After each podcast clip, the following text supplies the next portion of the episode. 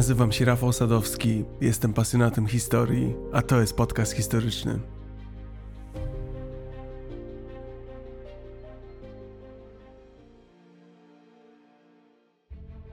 Zabieram Was dziś na prawdziwą przygodę.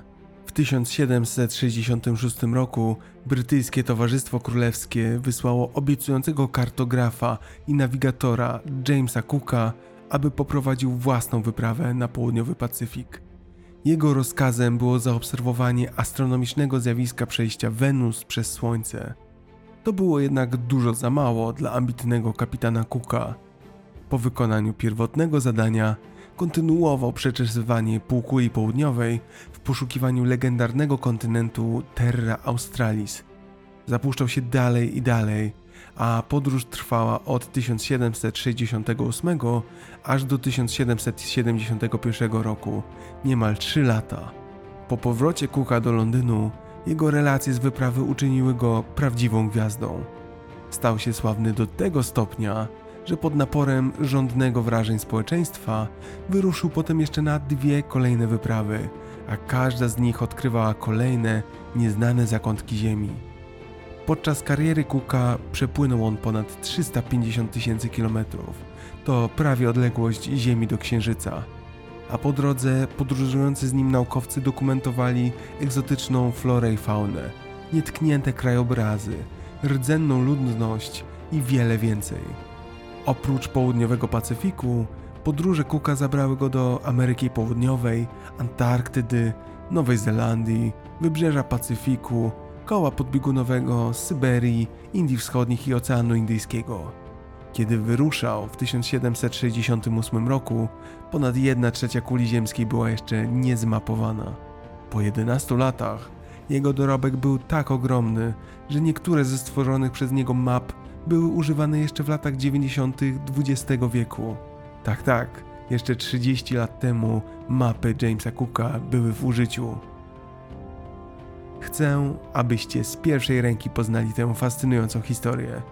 Dlatego długo dyskutowałem z Jamesem Cookiem i udało mi się wynegocjować kilka dodatkowych miejsc na jego pokładzie, specjalnie dla Was. I to wszędzie tam, gdzie był Cook, wybierzemy się dziś wspólnie. Oto opowieść o tym, jak upór i determinacja sprawiają, że każdy z nas może zapisać się na kartach historii. Wyruszmy zatem z Jamesem Cookiem i zwiedźmy cały świat. Zaczynamy. Podcast historyczny to nasze wspólne dzieło, dostępne za darmo. Dlatego ogromnie dziękuję każdemu wspierającemu patronowi. Dzięki Wam mogę robić to, co kocham opowiadać o historiach, o których sam zawsze chciałem słuchać. Szczególnie zaś dziękuję patronom mecenasom: Michał, Sabina, Alina, Agnieszka, Daniel, Tomasz, Michał, Przemek, Paweł, Bartosz, Kamila, Adam, Monika, Daniel, Jeremiasz, Karol, Krzysztof, Sebastian, Wojciech, Franciszek, Nidal, Konrad, Dorota, Łukasz, Katarzyna i Piotr. Stokrotne dzięki za Wasze bardzo znaczące wsparcie.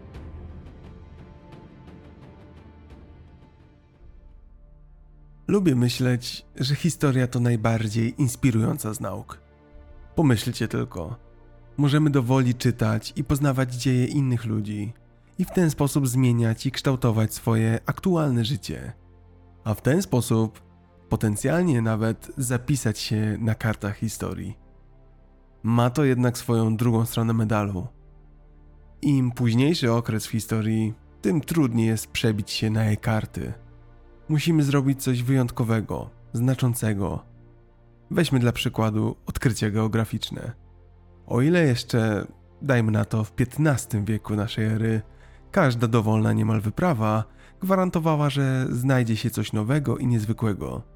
Jednakże już trzy wieki później na świecie pozostało dużo mniej do odkrycia. Dalej nie był to jeszcze wiek XX, gdy Roald Amundsen musiał wyprawiać się na sam biegun, aby udowodnić swoją wartość jako odkrywca, ale jednak XVIII wiek w Europie to naprawdę niesamowity czas. Przede wszystkim dlatego, że działo się naprawdę wiele rzeczy naraz. Europa wieku XVIII, czyli wieku oświecenia, to przede wszystkim wzrost potęgi Wielkiej Brytanii, Prus i Rosji w Europie, zaś utrata znaczenia Szwecji i upadek Polski, która utraciła niepodległość w wyniku rozbiorów. XVIII wiek to również epoka powstań ruchów wolnościowych, gdy Stany Zjednoczone wywalczyły niepodległość, a Francja pogrążyła się w rewolucji francuskiej. Główne postacie historyczne żyjące w tamtym czasie to Napoleon Bonaparte, George Washington czy Fryderyk Wilhelm I, król kapral znany z reform wojskowych. W XVIII wieku znajdujemy postacie władców reformatorów, takich jak Piotr I Wielki, caryce Rosji Anna, Elżbieta czy Katarzyna II. XVIII wiek to jednak też czas odkryć i wynalazków, z których korzystamy do dziś. Takie urządzenia jak termometr, fortepian, fotografia, maszyny parowe, piorunochron całkowicie zmieniały sposób życia szarego człowieka. XVIII wiek wreszcie to też czas oświecenia, czyli epoki, która stanowiła zaprzeczenie całej dotychczasowej ciemności średniowiecza. Oświecenie traktowało rozum, odwołujący się do doświadczania, z jednej strony jako narzędzie poznania i źródło wiedzy o świecie, a z drugiej jako instrument krytyki i sceptycznego osądu wiedzy dotychczasowej.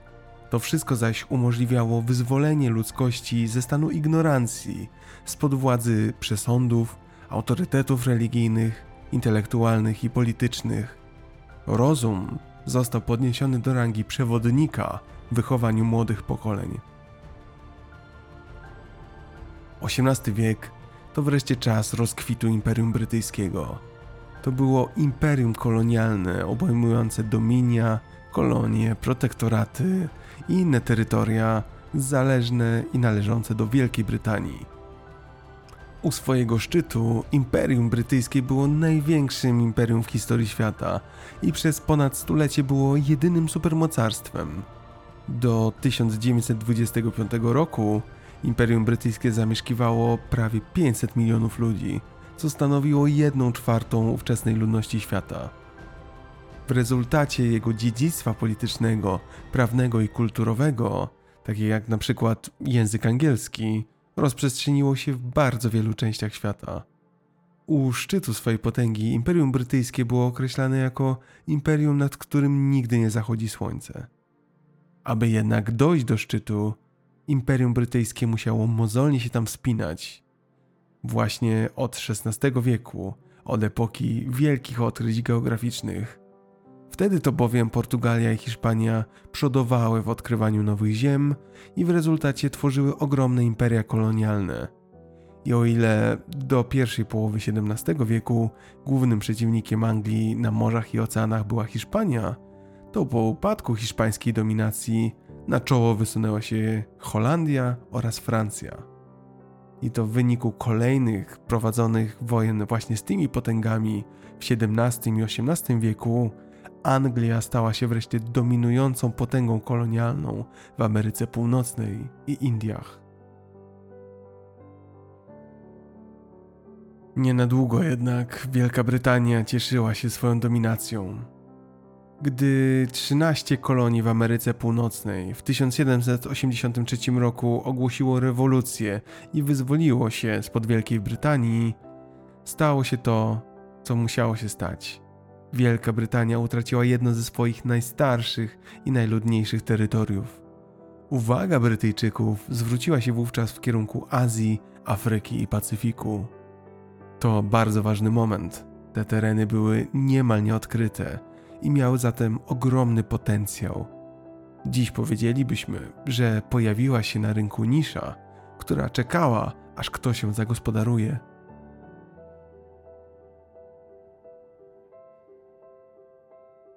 I to właśnie w tych niesamowicie dynamicznych czasach, w czasach, gdy z dnia na dzień zmieniała się rzeczywistość, a karty historii zapełniały się po brzegi, w małej miejscowości Marton w hrabstwie Yorkshire 7 listopada 1728 roku na świat przyszedł mały James Cook. Nic wówczas nie wskazywało, że ten malec na zawsze zmieni sposób, w jaki będziemy postrzegać kulę ziemską. James Cook został ochrzczony 14 listopada w kościele parafialnym St. Cuthbert, gdzie zresztą jego nazwisko do dziś można zobaczyć w rejestrze. Był drugim z ośmiorga dzieci Jamesa Cooka seniora, szkockiego robotnika z Edam w Roxburghshire i jego urodzonej lokalnie żony Grace Pace. Gdy James miał 8 lat, jego rodzina przeniosła się na farmę Airy Home w Great Ayton, gdzie pracodawca jego ojca, Thomas Scotto, dostrzegając dużą bystrość i inteligencję Jamesa, opłacił mu oczęszczanie do miejscowej szkoły. W 1741 roku, po pięciu latach nauki szkolnej, James rozpoczął pracę u ojca, który awansował na kierownika gospodarstwa. Po pracy zaś na własną rękę uczył się matematyki i astronomii. Bardzo fascynowało go też, jak tworzone są mapy. James Cook był raczej introwertykiem. Kiedy miał wolną chwilę, dla przyjemności wspinał się na pobliskie wzgórze Roseberry Topping i spędzał tam godziny, ciesząc się samotnością. Muszę przyznać, że ujmuje mnie ten sposób spędzania wolnych chwil. Nie powiem, sam również lubię samotne spacery. 1745 roku, gdy James miał 16 lat, nadeszła pora rozstania z rodziną. Taki był wówczas zwyczaj. Dzieci po osiągnięciu wieku pozwalającego na pracę wyruszały, aby się usamodzielnić. James Cook przeniósł się 32 km dalej, do leżącej nad samym Morzem Północnym wioski rybackiej States, aby zostać uczniem sklepikarza u sprzedawcy spożywczego Williama Sandersona. Historycy spekulują, że to właśnie tutaj Cook po raz pierwszy poczuł pokusę pływania po morzach, patrząc przez okno sklepu na wypływające i powracające statki oraz na raz spokojne, a raz wzburzone wody. Po 18 miesiącach okazało się, że James nie jest dobrym sprzedawcą. Zakończył zatem swoje szkolenie sklepikarskie i udał się do pobliskiego portowego miasta Whitby. Tam też poznał Johna i Henry'ego Walkerów. Walkerowie byli wybitnymi lokalnymi armatorami w handlu węglem. Cook nalegał, że to właśnie z morzem chce się związać. Widząc zapał i potencjał młodzieńca, Walkerowie zgodzili się – Kuka zatrudniony jako ucznia marynarki handlowej w ich małej flocie statków kursujących z węglem wzdłuż wybrzeża Anglii. Jego pierwszym przydziałem był statek węglowiec Freelove. Następne kilka lat Cook spędził na tym i wielu innych statkach żeglugowych kursujących z towarem rzeką Tyne do Londynu. W ramach praktyki Cook nie tylko doglądał statku i pracował fizycznie, ale też poświęcał się studiowaniu algebry, geometrii, trygonometrii, nawigacji i astronomii. Wszystkich umiejętności, których wymagano od kapitana statku, którym przecież nie był wówczas, ale do czego aspirował. Choć droga do tego była jeszcze daleka, to James wiedział, że pewnego dnia będzie dowodził statkiem. Po zakończeniu trzyletniej praktyki, Cook rozpoczął pracę na statkach handlowych na Morzu Bałtyckim. Kariera zaczynała się rozwijać. Po zdaniu egzaminów w 1752 roku wkrótce awansował w szeregach marynarki handlowej, zaczynając od awansu w tym roku na oficera brygu górniczego Friendship. W 1755 roku, po trzech latach ciężkiej pracy jako oficer statku, nastąpił przełom. Cookowi zaproponowano objęcie dowództwa na statku handlowym Friendship – Spełnienie marzeń, prawda? A Cook rozważył propozycję, zastanowił się kilka dni i odmówił. Zaskoczeni, prawda? Ja również byłem zaskoczony. Okazuje się, że Cook miał ku temu jednak bardzo przemyślany powód. Wielka Brytania w 1755 roku bowiem przygotowywała się do wojny siedmioletniej, która miała nastąpić niespełna rok później. Wojna siedmioletnia to wojna między Wielką Brytanią, Prusami i Hanowerem, a Francją, Austrią, Rosją, Szwecją i Saksonią. Była to wojna o zasięgu światowym. Walki toczyły się w Europie, Ameryce Północnej, Indiach i na Wyspach Karaibskich. W późniejszej fazie konfliktów do wojny przyłączyła się Hiszpania i Portugalia oraz starająca się początkowo zachować neutralność Holandia, której to siły zostały zaatakowane w Indiach. Ta wojna stanowiła wojnę hegemoniczną. Brało w niej udział większość ówczesnych mocarstw. Stanowiła też decydującą fazę w trwających niemal 100 lat zmaganiach francusko-brytyjskich, zmaganiach o dominację w Ameryce Północnej i supremację na świecie. Wspominałem o tym wcześniej. Ta wojna nie jest zbyt dobrze znana w Polsce, ale ówczesna Europa żyła wojną siedmioletnią właśnie. Jaki to ma związek z Cookiem? Wspominałem, że James był bystrym człowiekiem. Wiedział, że kariery najszybciej rozwijają się podczas wojny właśnie.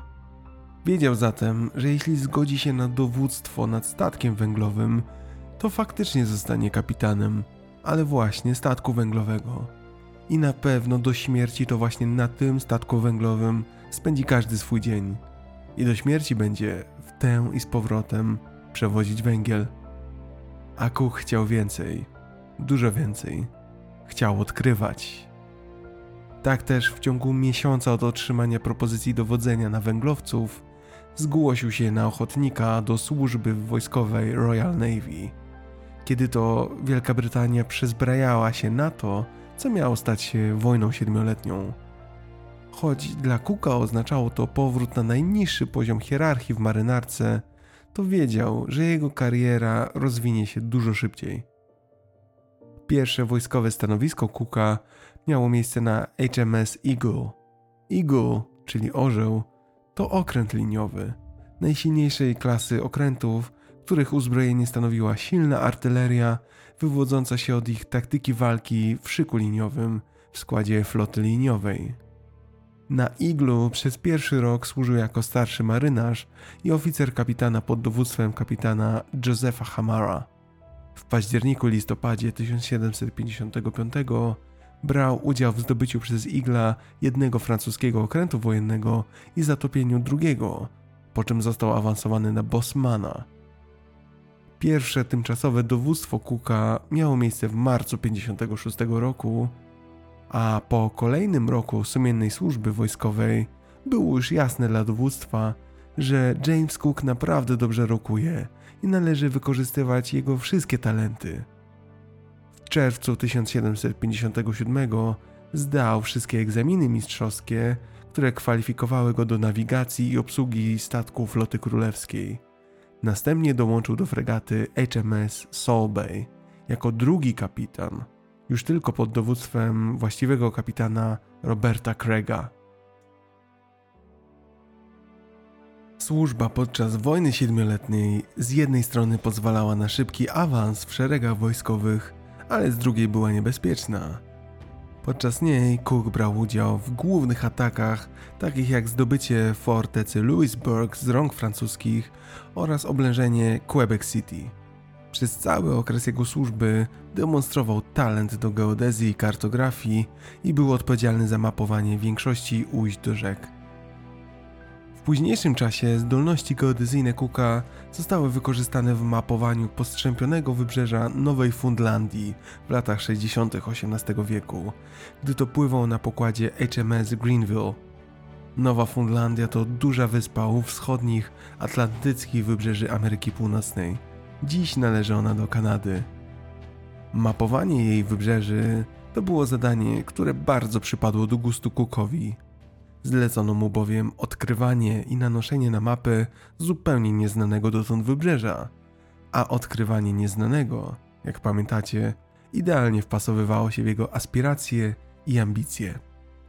Przez cztery lata pływał wokół Funlandii i pieczołowicie nanosił metr po metrze na mapy tę ogromną wyspę.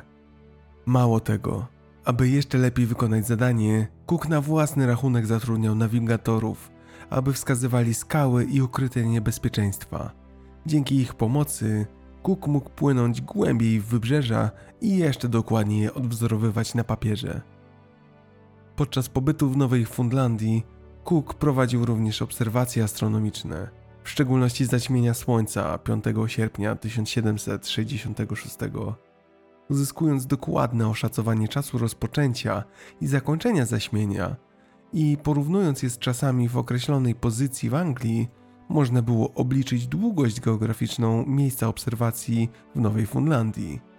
Wiadomość o tym sukcesie, bo był to sukces, została przekazana do Royal Society w 1767 roku. Jaki to sukces zapytacie?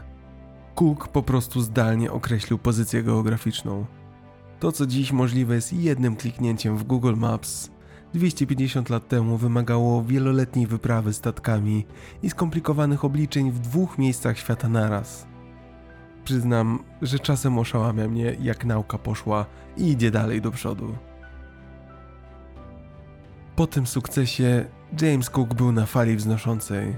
Jego pięć sezonów w Nowej Fundlandii poskutkowało pierwszymi wielkoskalowymi i dokładnymi mapami wybrzeża wyspy i pierwszymi naukowymi badaniami hydrograficznymi na dużą skalę, w których to wykorzystano precyzyjną triangulację do ustalania zarysów terenu. To wszystko zasługa starań Cooka. W tym okresie w swoim dzienniku James zapisał: Zamierzam iść nie tylko dalej niż jakikolwiek człowiek był przede mną, ale tak daleko, jak to możliwe dla dowolnego człowieka. James nie zdawał sobie jeszcze sprawy, jak bliskie prawdy będą jego słowa. Nadchodził bowiem czas próby. Na Jamesa Cooka zwrócili wreszcie uwagę przewodniczący admiralicji Towarzystwa Królewskiego i szykowali dla niego nie lada wyzwanie.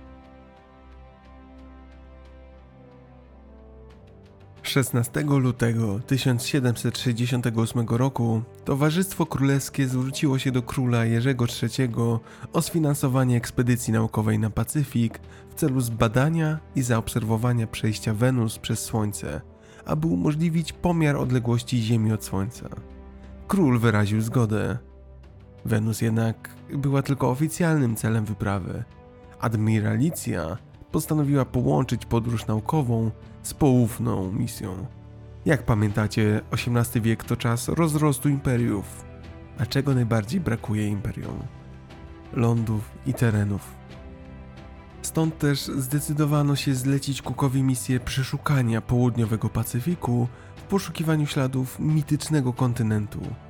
Ów kontynent nazywać się miał Terra Australis Incognita, nieznany ląd południowy. Czym była owa legendarna Terra Australis? Terrę Australis umieścił na swojej teoretycznej mapie świata po raz pierwszy Rzymianin Claudiusz Ptolemeusz. Doszedł on do wniosku, że skoro większość znanych człowiekowi krain leży na półkuli północnej, to dla równowagi na południu też muszą znajdować się jakieś nieodkryte, rozległe lądy. Dlatego na swojej słynnej mapie narysował olbrzymi kontynent o całkowicie wyimaginowanych granicach, który na przestrzeni kolejnych wieków przybrał nazwę Terra Australis Incognita. Marco Polo później twierdził, że widział południowy ląd nazywany Lokak. Obfitować on miał w złoto, dzikie zwierzęta, słonie i bałwochwalców. Renesansowi kartografowie umieszczali Lokak daleko na południu. Nikt jednak nie dowiódł jego istnienia. W epoce wielkich odkryć geograficznych wyruszały w tamtym kierunku liczne wyprawy, przede wszystkim portugalskie i hiszpańskie, ale dopiero Holendrzy, szukając drogi do nowo odkrytych Indii Wschodnich, przypadkowo natknęli się na zupełnie nowy ląd, który w przyszłości stał się Australią. Dalej pozostawała jednak kwestia tego, że Australia była dużą, ale jednak wyspą i że gdzieś poniżej powinien znajdować się jakiś zdatny do odkrycia i zasiedlenia kontynent, dalece większy niż Australia. Wyprawa naukowa Cooka była dobrym pretekstem, by zweryfikować te doniesienia i potencjalnie odkryć ów nowy kontynent. Gdyby ustanowić tam zwierzchnictwo Wielkiej Brytanii, oznaczałoby to wykładniczy wzrost jej potęgi. Cele ekspedycji zostały zatem ujawnione prasie. Pisano na pierwszych stronach dziennika, cytuję: Jutro rano pan Banks, dr Solano, Pan Green, astronom, wyruszą do Deal, aby wejść na pokład Endeavour, dowodzonego przez kapitana Cooka, aby obserwować tranzyt Wenus następnego lata i dokonywać odkryć na południe i zachód od przylądka Horn. Wiemy zatem, jakie były dwa cele wyprawy. Pora na wyposażenie. Jako, że podróż była długa i niebezpieczna, to też statek również musiał być wyjątkowy. Statek wybrany przez admiralicję do rejsu to były handlowiec Earl of Pembroke. Był solidnie zbudowany z szerokim, płaskim dziobem, kwadratową rufą i długim, pudłowatym korpusem z głęboką ładownią. Konstrukcja z płaskim dnem sprawiała, że był dobrze przystosowany do żeglugi w płytkich wodach i pozwalało to na wyrzucenie go na plażę w celu załadunku i rozładunku. Jej długość wynosiła 32 metry. To był jednak początek przygotowań. Earl of Pembroke został zakupiony przez admiralicję i popłynął do Deptford nad Tamizą, aby poczynić dalsze przygotowania. Koszt zakupu w maju 1768 roku wynosił niecałe 3000 funtów. Ta kwota może nie robi wrażenia dziś, ale uwzględniając siłę nabywczą sprzed 250 lat, dziś ten statek kosztowałby pół miliona funtów. W ramach dodatkowych przygotowań kadłub został osłonięty i uszczelniony. Zamontowano także trzeci pokład z kabinami, prochownią i magazynami. Dodatkowo zamontowano 28 stanowisk do wiosłowania statku w razie gdyby maszt został stracony. Po tych wszystkich zmianach na koniec nadano ulepszonemu statkowi nazwę HMS Endeavour, czyli próba, wysiłek. Do obrony Endeavour wyposażono w 10 czterofuntowych dział i 12 dział obrotowych. Prowiant załadowany na początku rejsu obejmował 6000 porcji wieprzowiny i 4000 porcji wołowiny, 9 ton chleba, 5 ton mąki, 3 tony kiszonej kapusty, 1 tonę rodzynek i duże ilości sera, soli, grochu, oleju, cukru oraz płatków owsianych. Zapakowano także alkohol. Po pierwsze, nie psuł się od ciepła tak jak woda, a po drugie pozwalał podwyższać morale załogi. Zapasy trunku składały się z 250 beczek piwa, 44 beczek brandy i 17 beczek rumu. Był to zapas na 18 miesięcy podróży. Instrukcje admiralicji dla kapitana Cooka zostały umieszczone w specjalnej, zalakowanej kopercie, do wglądu wyłącznie kapitana. Zostały podzielone na dwie sekcje, obie oznaczone jako Secret.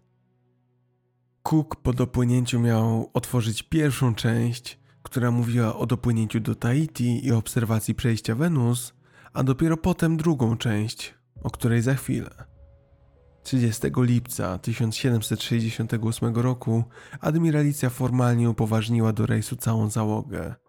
Było to bardzo istotne zdarzenie, gdyż nie można od tak wypłynąć w imieniu danego państwa na podróż morską należało mieć oficjalne umocowanie państwowe. Na morzu zdarzało się bowiem, że spotykały się dwa statki różnych nacji. Konieczne było, aby móc zweryfikować, kogo się spotyka i z jakim zamiarem płynie. Zgodnie z oficjalnym upoważnieniem, na pokład Endeavour wchodziło 73 marynarzy i 12 Royal Marines. Rejsem dowodził wówczas 40-letni porucznik James Cook. Jego podporucznikiem był Zachary Hicks, 29-latek. Trzecim porucznikiem był John Gore, 16-letni weteran marynarki wojennej. Wspominałem już, że podczas wojny kariery robiło się dużo szybciej, zatem nie dziwi młody wiek Johna Gore. Inne godne uwagi osoby na wyprawie to oficjalny astronom Charles Green oraz asystent astronom królewski Neville Maskelyne. Joseph Banks został oddelegowany do podróży jako oficjalny botanik brytyjski. Banks na własną rękę ufundował sobie towarzystwo kilku dodatkowych osób: szwedzkiego przyrodnika Daniela Solandera, fińskiego przyrodnika Hermana Sporinga, dwóch artystów, sekretarza naukowego i dwóch czarnoskórych służących z jego posiadłości. Gotowi zatem? Wyruszmy na pierwszą wyprawę Jamesa Cooka. James Cook zadbał o załogę, statek i wyposażenie. Ja przygotowałem dla Was mapę trasy, jaką James Cook przebył z Endeavour. Znajdziecie ją w opisie odcinka. Cook wypłynął z brytyjskiego portu w Plymouth 26 sierpnia 1768 roku. Trzy miesiące później, 15 listopada, Endeavour pokonał cały Atlantyk i dotarł aż do Rio de Janeiro. Tam pozostał do 2 grudnia, zaopatrując się i dokonując napraw. Tamtejszy władca, Marquis de Azambucha, nie cieszył się z wizyty Cooka. Został ostrzeżony przez rząd Portugalii, że Wielka Brytania po zwycięstwie w wojnie siedmioletniej dąży do rozszerzenia swojej zamorskiej władzy i wpływów. Dlatego podejrzewał, że obserwacja tranzytu Wenus nie była jedynym ani głównym celem Brytanii. Cook poczuł się urażony podejrzliwością władcy. Jak na dżentelmena przystało, nie powiedział jednak ani słowa. W swoim dzienniku jednak opisał drobiazgowo zatokę Guanabara Bay, w tym poziom umocnień obronnych i zapisał, że miasto może zostać zdobyte siłą sześciu okrętów liniowych. Cóż, szkodzi taka informacja, gdyby faktycznie doszło do konfliktu, prawda? Po opuszczeniu Rio, Cook płynął dalej na południe, wzdłuż Ameryki Południowej. 16 stycznia 1769 Endeavour ominął przylądek Horn, najdalej na południe wysunięty punkt Ameryki Południowej.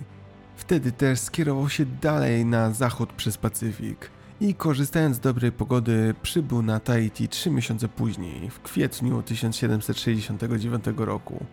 Tam też miały być dokonywane obserwacje Wenus. Przejście Wenus miało odbyć się 3 czerwca, zatem Cook miał jeszcze trochę czasu.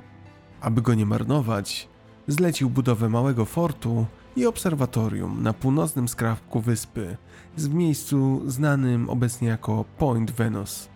Obserwatorium zbudowano akurat na czas, gdy zbliżał się moment przejścia Wenus przez tarczę Słońca. W pomiarze towarzyszył oddelegowany astronom Charles Green. Głównym celem tej obserwacji było uzyskanie pomiarów, które można było wykorzystać do dokładniejszego obliczenia odległości Wenus od Słońca. Gdyby udało się to osiągnąć, wówczas można było obliczyć odległości innych planet, a ostatecznie odległość między dwoma dowolnymi punktami na Ziemi, rozwiązując w ten sposób problem dokładnego ustalania długości geograficznej. W dniu obserwacji Cook zapisał w dzienniku: Sobota. Ten dzień okazuje się być tak korzystny dla naszego celu, jak tylko moglibyśmy sobie życzyć. Przez cały dzień nie widać żadnej chmury, a powietrze jest doskonale czyste, abyśmy mieli wszelkie możliwości i korzyści w obserwowaniu całości przejścia planety Wenus nad tarczą Słońca. Bardzo wyraźnie widzimy mroczny cień wokół Wenus, który niestety zakłóca czasy kontaktów, szczególnie dwóch zewnętrznych. Doktor Solander obserwuje to ze mną tak samo jak pan Green i ja. Faktycznie, dla pewności pomiarów dokonywali jednocześnie Cook, Solander i Green. I niestety, tak jak to zapisał Cook, zdarzyło się nieszczęście. Pomiary, po porównaniu ich ze sobą, niestety różniły się o więcej niż dopuszczalny margines błędu. To zaś niestety oznaczało, że ta część wyprawy nie zakończyła się powodzeniem. Dziś naukowcy przypuszczają, że Cook został pokonany przez zjawiska optyczne, które uniemożliwiły dokładny pomiar, zwłaszcza za pomocą instrumentów używanych w tamtym czasie. Oto naprawdę nie trudno. Zwracam Waszą uwagę na fakt, że badacze patrzyli wprost słońce i próbowali namierzyć maleńką kropkę, która na chwilę pojawiała się przed słońcem. Wenus właśnie. Zadanie trudne, nawet na dzisiejsze standardy. Obserwacje zostały zakończone, a Cook rad nie rad otworzył zapieczętowane rozkazy na drugą część swojej podróży. I dopiero wtedy jasno zdał sobie sprawę, choć wcześniej to podejrzewał, jak epokowe zadanie mu wyznaczono. Czarno na białym napisano, że oto korona imperium zleca mu przeszukanie południowego Pacyfiku w poszukiwaniu śladów legendarnego południowego kontynentu Terra Australis. Towarzystwo Królewskie wierzyło, że Terra Australis musi istnieć i że największą szansą Wielkiej Brytanii na odkrycie i jej przejęcie jeszcze przed jakąkolwiek inną potęgą europejską będzie użycie misji dowodzonej przez Cooka. Cook zapoznał się z rozkazami, ale nie będzie to dla Was chyba zaskoczeniem, że nie chciał od razu kierować się na południe. Korzystając z tego, że był prawie na drugim końcu świata względem rodzimej Brytanii, postanowił jednak najpierw zbadać inne pobliskie wyspy nieopodal Tahiti. Miejscowy kapłan i żeglarz z Tahiti o imieniu Tupaja zgłosił się na ochotnika, by do niego dołączyć. Tupaja okazał się nieoceniony jako pilot, tłumacz i pośrednik między załogą Endeavour a okolicznymi mieszkańcami. Endeavour opuścił Tahiti 13 lipca i popłynął do portu w pobliskiej wyspie Hua Hin w dniu 16 lipca. Tam Cook podarował Ore, wodzowi, tabliczkę z napisem jako trwałe świadectwo naszego pierwszego odkrycia tej wyspy. Z Hua Hin Cook popłynął na sąsiednią wyspę Rayatea i 20 lipca podniósł tam brytyjską flagę i ogłosił Rayatea oraz sąsiadujące wyspy Hua Hin, Bora Bora, Tupai i Maurua własnością Wielkiej Brytanii. Nazwał je Wyspami Towarzystwa Society Islands, ponieważ leżały przylegle do siebie, jakby były we własnym towarzystwie. Dopiero wtedy, po zaspokojeniu swoich rząd odkrywania, 9 sierpnia Cook podniósł kotwicę i zgodnie z instrukcjami admiralicji popłynął na południe w poszukiwaniu południowego kontynentu. Faktycznie płynął całkowicie wprost na południe. Powiedzielibyśmy, że w dół globu. Na początku września, po przebyciu około 2,5 tysiąca kilometrów, Endeavour osiągnął 40 stopień szerokości geograficznej południowej, ale dalej nie dostrzeżono żadnego rzekomego kontynentu. Zgodnie z instrukcjami, jeśli do 40 stopnia szerokości geograficznej nie spotkano by lądu, Cook miał następnie zakręcić na zachód i skierować się w stronę Nowej Zelandii, utrzymując kurs między 29 a 40 stopniem szerokości. Po miesiącu żeglugi na wzburzonym Pacyfiku, Cook faktycznie dotarł do Nowej Zelandii. Miało to miejsce 6 października 1969 roku. W tym dniu stał się drugim spośród Europejczyków w historii, którzy tam dotarli.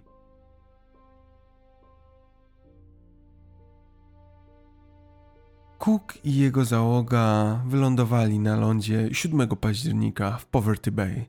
Tam też po raz pierwszy Cook spotkał ludzi zupełnie różnych od Europejczyków nowozelandzkich Maorysów. Wedle badań, Maorysi są potomkami klanów Polinezyjczyków z wysp wschodniej części Oceanu Spokojnego, m.in. Tahiti, którzy jako pierwsi ludzie dotarli do brzegów Wyspy Południowej między 900 a 1300 rokiem naszej ery. Jak głosi maoryska legenda, przybyli na siedmiu olbrzymich łodziach żaglowych. Każda z nich dała początek jednemu plemieniu. Dowódca najwcześniej przybyłej łodzi, Kupę, uchodzi za odkrywcę kraju Białej Chmury, jak Maorysi nazywają Nową Zelandię.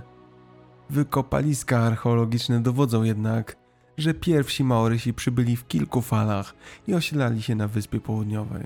Stosunkowo szybko opanowywali obie nowozelandzkie wyspy, zdecydowanie jednak preferując cieplejszą i bardziej gościnną Wyspę Północną. Maorysi zajmowali się uprawą roślin, hodowlą i rybołówstwem. Praktykowali też kanibalizm. Zasłynęli ze swojej wojowniczości i uzdolnień artystycznych w zakresie rzeźby, budownictwa i bardzo rozpowszechnionego tatuażu. Maoryskie tatuaże były jednym z najważniejszych elementów ich kultury.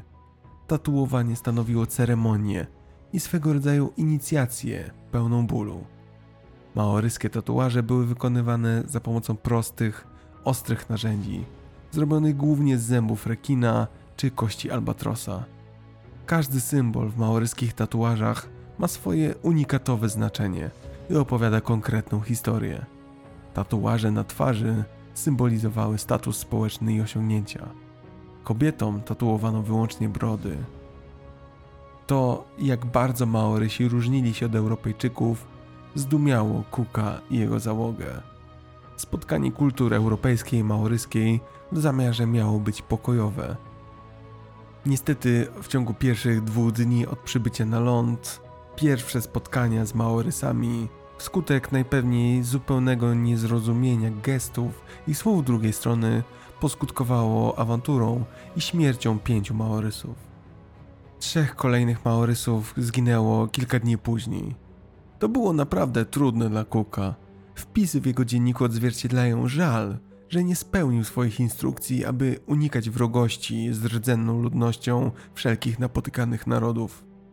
Dalsze spotkania z Maorysami były już bardziej pokojowe, a zwerbowany niedawno Tupaja, który rozumiał język Maorysów, odgrywał bardzo ważną rolę jako tłumacz i mediator między stronami. Maorysi handlowali swobodnie z Europejczykami i pozwalali im zbierać wodę i roślinne zapasy. Płynąc na północ, Endeavour zakotwiczył następnie w Zatoce Merkurego, gdzie Cook obserwował tranzyt Merkurego 9 listopada. Stosunki z napotykanymi Maorysami były na ogół pokojowe, chociaż jeden miejscowy ponownie zginął w sporze handlowym. Była to ostatnia odnotowana śmierć Maorysa z rąk załogi Cooka. Po podniesieniu flagi i formalnym przyznaniu Wielkiej Brytanii władztwa Mercury Bay, Cook wypłynął z zatoki Endeavour 15 listopada 1969 roku. Jego zamiarem było opłynięcie od północy Nowej Zelandii, naniesienie jej na mapy i powrót do punktu wyjścia. Kontynuując na północ wokół Nowej Zelandii, Cook o mały włos nie spotkał się z francuską ekspedycją, która okrążała przylądek w tym samym czasie, w przeciwnym kierunku. Po krótkim przymusowym postoju z powodu sztormów, Cook dalej posuwał się naprzód wzdłuż zachodniego wybrzeża Wyspy Północnej. W połowie stycznia Cook dotarł do Queen Charlotte Sound na północnym wybrzeżu Wyspy Południowej w Nowej Zelandii. Właśnie, Wyspy Południowej. Dziś wiemy, że Nowa Zelandia składa się z dwóch dużych wysp, północnej i południowej. W tamtych czasach jednak Nowa Zelandia była zbadana mniej więcej tak dobrze, jak dziś Jowisz. Cook był drugim Europejczykiem, który w ogóle się tam wyprawił. Jak zatem dużym zdumieniem było to, gdy 22 stycznia 1770 roku Cook, okrążając Wyspę Północną, spiął się na szczyt Kai Tepeha i zobaczył cieśninę oddzielającą Wyspę Północną od nowo odkrytej Wyspy Południowej. Cieśnina ta została nazwana i nazywa się zresztą dotychczas cieśniną Cooka. To był niesamowicie ważny moment. Po pierwsze dowodził, że Nowa Zelandia składa się co najmniej z dwóch wysp, a po drugie, że Nowa Zelandia nie była częścią rzekomego kontynentu południowego. Teoretycznie, choć z dzisiejszej perspektywy to niedorzeczne, południowa część Nowej Zelandii mogła być nowym lądem, który, znowu teoretycznie, mógł być mityczną Terra Australis. Misja Cooka mogła jednak okazać się sukcesem. Aby jednak tego dowieść, należało to sprawdzić na własnej skórze. Cook nie musiał zastanawiać się długo. Endeavour wypłynął 5 lutego, przechodząc przez cieśninę Cooka. Skręcił na południe i płynął wzdłuż wschodniego wybrzeża Wyspy Południowej, kreśląc mapę wybrzeża i kontynuując poszukiwania południowego kontynentu. 10 marca nagle dopłynięto do Southwest Cape, ostatniego przylądka na południe Nowej Zelandii. Nie spodziewano się, że Nowa Zelandia skończy się tak szybko. Pozostawało jedynie zawrócić na północ. To udowadniało, że South Island również nie było poszukiwanym szóstym kontynentem. Terra Australis dalej pozostawała teoretycznym, legendarnym lądem. Cook kontynuował podróż na północ wzdłuż zachodniego wybrzeża Wyspy Południowej, po czym ponownie wszedł do cieśniny Kucha i 27 marca skręcił w stronę Zatoki Admiralicji. Okrążenie południowej Nowej Zelandii zostało oto zakończone. Cook dał sobie trzy dni na przetrawienie tego, co odkrył. Wnioski były przełomowe, ale bardzo gorzkie.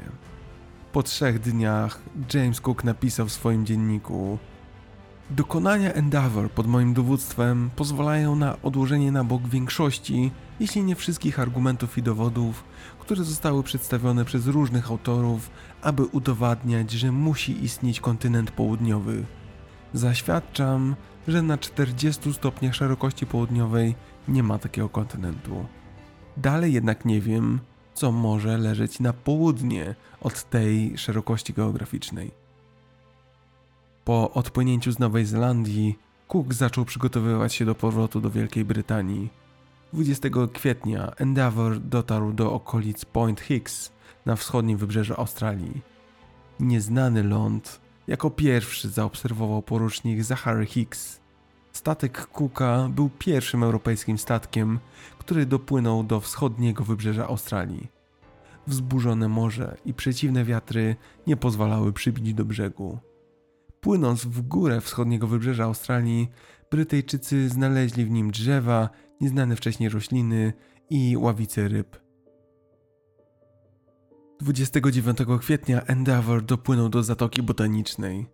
Wtedy to po raz pierwszy Cook dostrzegł aborygenów, drugą już nieznaną mu rasę, tak odmienną od ówczesnych Europejczyków. Wedle dzisiejszych badań genetycznych, zarówno aborygeni, jak i papuasi są bezpośrednimi potomkami społeczności, która jako pierwsza opuściła Afrykę. Ich przodkowie przybyli do Australii wedle różnych źródeł między 125 a 50 tysięcy lat temu. Aborygeni prowadzili koczowniczy tryb życia, byli uzależnieni od otaczającego ich środowiska i bardzo z nim związani. Do ich podstawowych zajęć należało łowiectwo i zbieractwo, a w rejonach nadbrzeżnych także rybołówstwo. Gdy w 1770 roku James Cook docierał do Australii, istniało około 600 odmiennych plemion aborygeńskich używających co najmniej 500 języków. Co ciekawe, aborygeni w przeciwieństwie do Maorysów wykazywali obojętność w stosunku do Europejczyków. Obojętność rdzennej ludności nie była największym problemem Cooka. Dużo większym problemem w tamtym czasie stawało się coraz większe rozdrażnienie załogi, mającej już dość przeciągającej się wyprawy. Jakby tego było mało, 11 czerwca Endeavour trafił na wielką rafę koralową. Rafa przebiła dno statku. Przy odpompowywaniu wody pracowała cała załoga, łącznie z naukowcami. 18 czerwca, tydzień po uderzeniu w rafę, Endeavour wpłynął do rzeki nazwany później również Endeavour. Znajdując się w okolicach dzisiejszego Cooktown, naprawiono statek oraz zbadano okolice. 23 kwietnia Europejczycy oniemiali, po raz pierwszy zobaczyli kangury, a później także psy dingo, aligatory i nietoperze.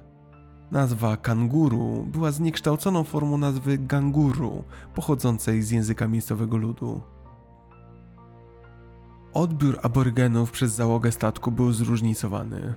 Cook wyrażał się o tubylcach życzliwie. Z kolei Banks umiejscawiał rdzennych mieszkańców Australii pomiędzy ludźmi a zwierzętami. Według relacji Cooka załoga uznała tubylców generalnie za lud prymitywny, nie interesujący się europejskimi dobrami. Cook zapisał jednak wówczas w dzienniku, że za sprawą nieznajomości pieniądza ani towarów, aborygeni nie znają nierówności społecznych co pozwala im żyć w spokoju. Bardzo aktualna obserwacja, prawda? 22 sierpnia Endeavour dopłynął do Półwyspu York. Ponownie największym problemem podczas podróży było pokonanie niebezpiecznej rafy koralowej. Prócz tych trudności, Cook miał jednak duże powody do świętowania. Do tego momentu nie stracił ani jednego człowieka przez Szkorwód. To było praktycznie niespotykane osiągnięcie w XVIII-wiecznej żegludze dalekobieżnej. Jak zatem to osiągnął? Cook przekonał swoich ludzi do jedzenia takich pokarmów jak owoce cytrusowe i kapusta kiszona. W tamtym czasie wiedziano, że zła dieta powoduje szkorbut, ale nie wiedziano konkretnie, że winowajcą był niedobór witaminy C. Tym niemniej Wybór Cooka, choć intuicyjny, był jak najbardziej trafny. Szkorbut to rzadka, wielonarządowa choroba, która wywoływana jest właśnie brakiem witaminy C. Inne nazwy tej choroby to gnilec. Szkorbut to bardzo niebezpieczna i bolesna choroba. Jego symptomy to zapalny przerost dziąseł, bóle mięśni, bóle stawów, łamanie się kości, utrata apetytu, krwawienie z naczyń krwionośnych, niedokrwistość i depresja. W schyłkowej fazie choroby dochodzi do zaburzeń neurologicznych, drgawek i zaników świadomości. Szkorbut był prawdziwą morską plagą i starano się z nim walczyć na wszelkie znane sposoby. Cook jako pierwszy trafnie zidentyfikował złą dietę jako przyczynę szkorbutu. Pozostawał jednak pewien problem. Żeglarze sprzeciwiali się innowacjom i nie chcieli jeść kiszonej kapusty. Zamiast przekonywać albo nakazywać, Cook zastosował metodę jak z małymi dziećmi. Pewnego dnia po prostu rozkazał, aby od tego momentu kucharz serwował kiszoną kapustę wyłącznie kapitanowi oraz oficerom. Reszta załogi dostawała standardowe suchary i suszone mięso. Po tygodniu reszta marynarzy zbuntowała się i zażądała równego traktowania.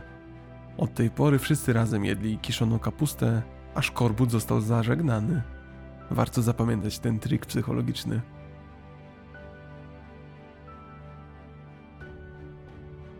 We wrześniu 1770 roku Cook płynął na północ, między Australią a Indonezją. 5 października Endeavour przybył do Batawi, dzisiejszej Dżakarty. Podczas pobytu tam prawie cała załoga zachorowała na dur brzuszny albo cholerę. W wyniku epidemii zmarło siedmiu członków załogi, w tym niestety Tupaja. Po trwającym 10 tygodni remoncie Endeavour wyruszył w dalszą drogę. Poważnym problemem stała się kolejna epidemia, tym razem dysynterii. Wśród zmarłych na tę chorobę znaleźli się m.in. astronom Charles Green, rysownik Sidney Parkinson oraz cieśla John Satterley. Śmierć dużej części załogi przygnębiła resztę. Tym niemniej podróż powrotna trwała nadal. Po 11 tygodniach od odpłynięcia z Batawii, Endeavour 15 marca 1771 roku dopłynął wreszcie do Ameryki Południowej, do Kapsztadu. Rozpoczęła się ostatnia faza powrotu. Cztery miesiące później, po wyczerpującej wędrówce, 10 lipca 1771 roku, Endeavour popłynął w górę kanału La Manche. 12 lipca o 6 rano Endeavour zakotwiczył w Downs. Mijały wówczas 3 lata od wypłynięcia, a pomyślnego powrotu nie spodziewał się już nikt. Gazety i czasopisma już dawno donosiły o obawach, że Endeavour zaginął na morzu albo został zniszczony przez Francuzów. Dzienniki Cooka wraz ze dziennikami Banksa zostały przekazane zdumionej z powrotu admiralicji do publikacji. Cook nie chciał na długo żegnać się z morzem, dlatego zastosował delikatną manipulację. W swoim sprawozdaniu stwierdził, że tajemnicę lądu południowego można wyjaśnić dopiero w kolejnej wyprawie, która spenetrowałaby akweny poniżej 40 aż do 60 stopnia szerokości geograficznej południowej, czyli mówiąc kolokwialnie, niżej niż poprzednio. Cook podobne tezy wygłaszał na balach i spotkaniach, na które był regularnie zapraszany. W końcu zatem admiralicja przekonała się do propozycji Cooka i powierzyła mu dowództwo kolejnej ekspedycji. Jej celem zaś było opłynięcie świata jeszcze dalej na południe niż dotychczas. I w ten sposób i my za chwilę wyruszymy znowu dookoła świata. Tym razem wyruszyć miały dwa statki. Cook dowodził HMS Resolution, podczas gdy Tobias Fourneau dowodził statkiem towarzyszącym HMS Adventure. Resolution rozpoczęła karierę jako 462-tonowy węglowiec na Morzu Północnym, przerobiony na specyfikację morską za cenę prawie 7000 funtów. Miała 34 metry długości i 11 metrów szerokości. Została wyposażona w najbardziej zaawansowane w tamtych czasach systemy nawigacyjne, w tym kompas azymutalny, kotwice lodowe, i najnowszy aparat do destylacji świeżej wody z wody morskiej. Na pokładzie znajdowało się 18 dział. HMS Adventure, czyli statek dowodzony przez Tobiasa Fourneau, rozpoczęła swoją karierę również jako węglowiec. Została zbudowana w Whitby w 1771 roku i w tym samym roku została zakupiona przez marynarkę wojenną. Miała 30 metrów długości, 8 metrów szerokości, a zanurzenie wynosiło 4 metry. Miała również 10 dział. Zaopatrzenie załadowane na statki było znacznie większe niż w przypadku poprzedniej wyprawy. Załadowano 27 ton sucharów, 7 ton kawałków solonej wołowiny, 14 ton kawałków solonej wieprzowiny, 17 ton piwa, 6000 litrów mocnych alkoholi i 2000 kg tłuszczu. Aby przeciwdziałać szkorbutowi, zabrano 20 ton kiszonej kapusty i 140 litrów marmolady z marchwi. To jednak dalej nie wszystko. Wyprawa miała być tak długa, że oba statki tym razem zabrały nawet zwierzęta gospodarskie: woły, owce, kozy, świnie i drób. Aby jednak uniezależnić się jeszcze bardziej od zebranych zapasów, załogi miały na stanie sprzęt wędkarski oraz systemy oczyszczania wody, używane do destylacji wody morskiej. Zabrano także na pokład bardzo dużo różnych drobiazgów, takich jak nożyki, siekiery, koraliki, wstążki i medaliony. Zamiarem było wykorzystywanie tych rzeczy w handlu wymiennym lub też jako prezenty dla tubylców. Na Resolution weszło 90 marynarzy i 18 żołnierzy piechoty morskiej, zaś na Adventure 81 członków załogi.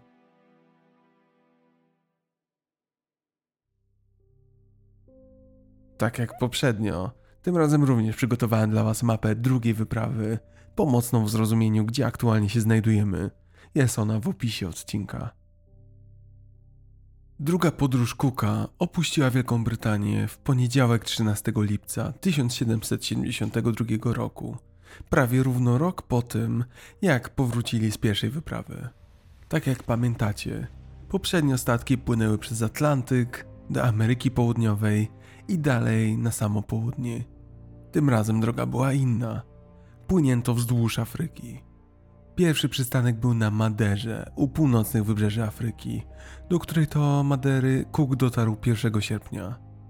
Wysoko cenił walory żeglarskie swojego nowego statku Resolution i w tamtejszym raporcie dla admiralicji napisał: Steruje, pracuje i dobrze żegluje. Jest niezwykle sztywny i wydaje się być suchym i łatwym statkiem na morzu. Statek został ponownie zaopatrzony w świeżą wodę, wołowinę, owoce i warzywa, a po kolejnym postoju zaopatrzeniowym na wyspach Zielonego Przylądka oba statki dotarły do Przylądka Dobrej Nadziei na samym południu Afryki. To tutaj do wyprawy jako botanik dołączył Szwed Anders Sparman. Od chwili opuszczenia południa Afryki Cook miał szczegółowe instrukcje dotyczące wyprawy. Statki miały kierować się maksymalnie na południe, w nieznane, w poszukiwaniu przylądka dostrzeżonego w roku 1739 przez francuskiego podróżnika Jeana Baptista Beauvais. Wierzono, że ów przylądek mógł być częścią Terra Australis. Po dotarciu do owego przylądka, Cook miał zorientować się, czy stanowi on część większego lądu, czy tylko fragment jakiejś wyspy. W pierwszym przypadku zalecano przeprowadzenie solidnych i różnorodnych badań, a także zorientowanie się, czy odkryte nowe ziemie są zaludnione. Gdyby zaś ten przylądek okazał się przynależeć jedynie do wyspy, albo nawet nie udało się go odszukać wcale, statki miały skierować się na wschód i następnie podjąć próbę dotarcia jak najdalej na południe lub odkrycia brzegów południowego kontynentu. W razie zaś pogorszenia się warunków pogodowych, załogi miały zwrócić się na północ, uzupełnić zapasy w dowolnym miejscu i wraz z nastaniem bardziej sprzyjającej pogody znów podjąć drogę ku południu. Okręty opuściły afrykański przylądek Dobrej Nadziei 22 listopada 1972 roku i skierowały się niemal prostą linią w rejon południowego Atlantyku. Wkrótce po wypłynięciu pogoda zaczęła dramatycznie się pogarszać. Wskutek mroźnych warunków załoga zaczęła nosić wszystkie ubrania, jakie tylko miała. Na początku grudnia widoczność spadła do kilkudziesięciu metrów i żeglowano już tylko w gęstej mgle. Prędkość znacznie spadła. Co gorsza, wokół zaczęły pojawiać się także góry lodowe. Pomimo to oba statki parły dalej na południe. Cook dalej nie był w stanie znaleźć wyspy, o której wspominał Buwo. 17 stycznia 1776 roku lód wkrótce otoczył statki. Jako, że warunki pogodowe zaczęły dalej się pogarszać, Cook podjął decyzję o zawróceniu na północ. Jednakże w tym momencie statki zaczęły być znoszone bardziej ku wschodowi. Temperatury spadły do takiego stopnia, że przez kilka dni woda na pokładzie była zamarznięta. Żeby się jej napić, trzeba było ją ogrzewać nad ogniem. To jednak nie koniec kłopotów. 8 lutego, w warunkach fatalnie słabej widoczności, załoga Resolution utraciła kontakt z okrętem Adventure. Po trwających kilkanaście godzin desperackich próbach ponownego dostrzeżenia drugiego statku, Cook zrezygnował. Aż trudno mi sobie wyobrazić, jak duże przerażenie czułbym na jego miejscu. Jednak James Cook zachował zimną krew.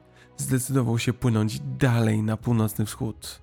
Dalsza zwłoka i poszukiwania zagrażały bezpieczeństwu wszystkich, a tak, choć jeden statek potencjalnie dalej mógł wypełniać misję eksploracji i poszukiwań. Trudna, ale niezbędna decyzja. Furno tymczasem, dowodząc drugim statkiem Adventure, był cały i zdrów, razem ze swoją załogą, aczkolwiek tak samo zagubiony jak Cook. Furno skierował statek do wcześniej ustalonego miejsca spotkań w Queen Charlotte Sound w Nowej Zelandii. W drodze na spotkanie Adventures zbadała południowe i wschodnie wybrzeża Tasmanii. Furno wykonał tym samym najwcześniejszą brytyjską mapę tego wybrzeża. Cook tymczasem na pokładzie Resolution kontynuował swoje poszukiwania na południowy wschód, osiągając 24 lutego 61 stopień szerokości geograficznej. Po czym w połowie marca zdecydował się udać do Dusky Bay na wyspie południowej Nowej Zelandii. Tam kotwiczył do 30 kwietnia. W międzyczasie uzupełnili zapasy wody oraz żywności, polowali na ptaki i foki. Przeprowadzono także rozpoznanie dotyczące środowiska naturalnego i ukształtowania terenu w odwiedzanych miejscach. Weszli też w kontakty z niewielkimi grupkami tubylców.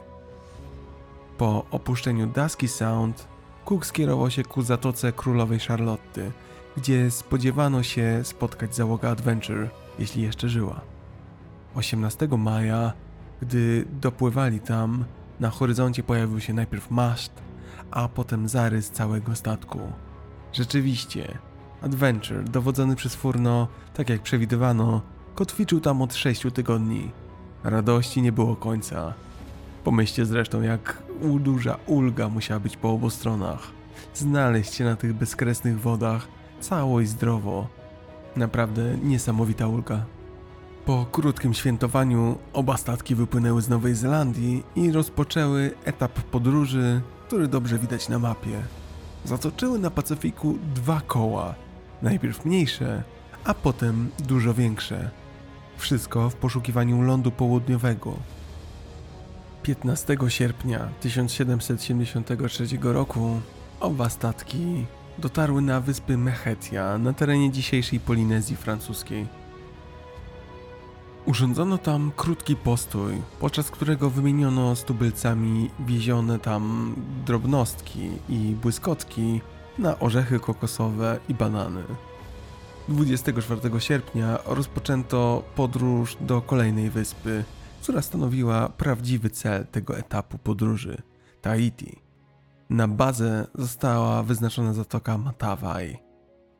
Między 2 a 3 września przeprawiono się po raz kolejny na niewielką odległość, na wyspę Huahine, odkrytą przez Cooka podczas poprzedniej wyprawy. Do załogi statku Adventure dołączył tam, za pozwoleniem kapitana Furno, lokalny tubylec Omai, pochodzący z wyspy Rayatea. Zapamiętajcie to imię, bo pojawi się ono jeszcze w kontekście kolejnej wyprawy. Na wszystkich odwiedzanych wyspach archipelagów zawsze powtarzał się ten sam schemat. Załogi wchodziły w kontakty z zamieszkałymi tam społecznościami, prowadziły handel wymienny i uczestniczyły w zabawach. Poznawano kulturę, wymieniano się podarunkami i długo celebrowano wzajemne spotkanie. W połowie września załogi opuściły wyspy towarzystwa i skierowały się na zachód. Na początku października Resolution dopłynęła do wysp Tonga. Według relacji Cooka, tubylcy wypłynęli czółnami na powitanie okrętu i weszli na pokład. A po wylądowaniu statku na plaży zgotowali załodze statku przyjęcie powitalne, złożone z bananów, kokosów oraz kawy. Nie była to jednak znana nam kawa, lecz ta pisana przez literkę V. Cook jako jedyny odważył się spróbować tego napoju. Reszta załogi obawiała się, że to trucizna. Cook wiedział jednak, że musi skosztować tego specjału nawet za cenę życia.